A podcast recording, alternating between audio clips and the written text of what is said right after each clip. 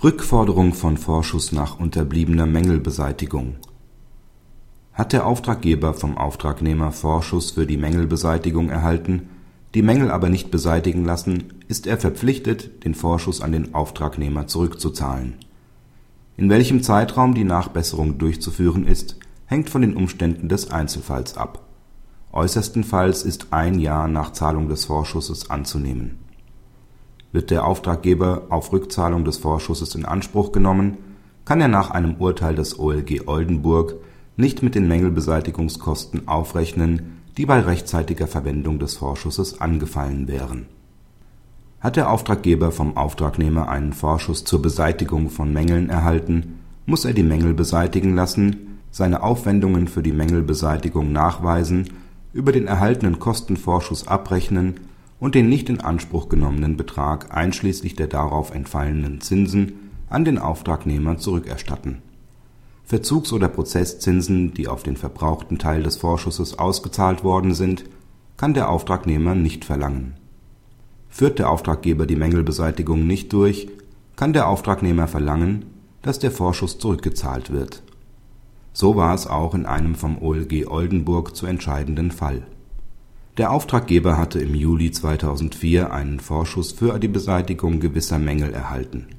Im August 2006 waren diese noch nicht beseitigt. Daraufhin erhob der Auftragnehmer Klage auf Rückzahlung des Vorschusses. Während des Prozesses ließ der Auftraggeber die Mängel sodann beseitigen.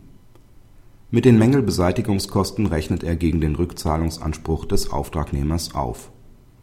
Das OLG Oldenburg hat den Auftragnehmer zur Rückzahlung des Vorschusses verurteilt denn er hatte die Mängel nicht innerhalb einer angemessenen Frist beseitigen lassen. Die Aufrechnung hat das OLG nicht zugelassen. Aus dem vertraglichen Charakter des Rückzahlungsanspruchs bei nicht rechtzeitiger Verwendung des Vorschusses und dessen Zweckgebundenheit folge, dass nach Ablauf der angemessenen Frist die Berechtigung des Auftraggebers entfällt, den Vorschuss zu behalten.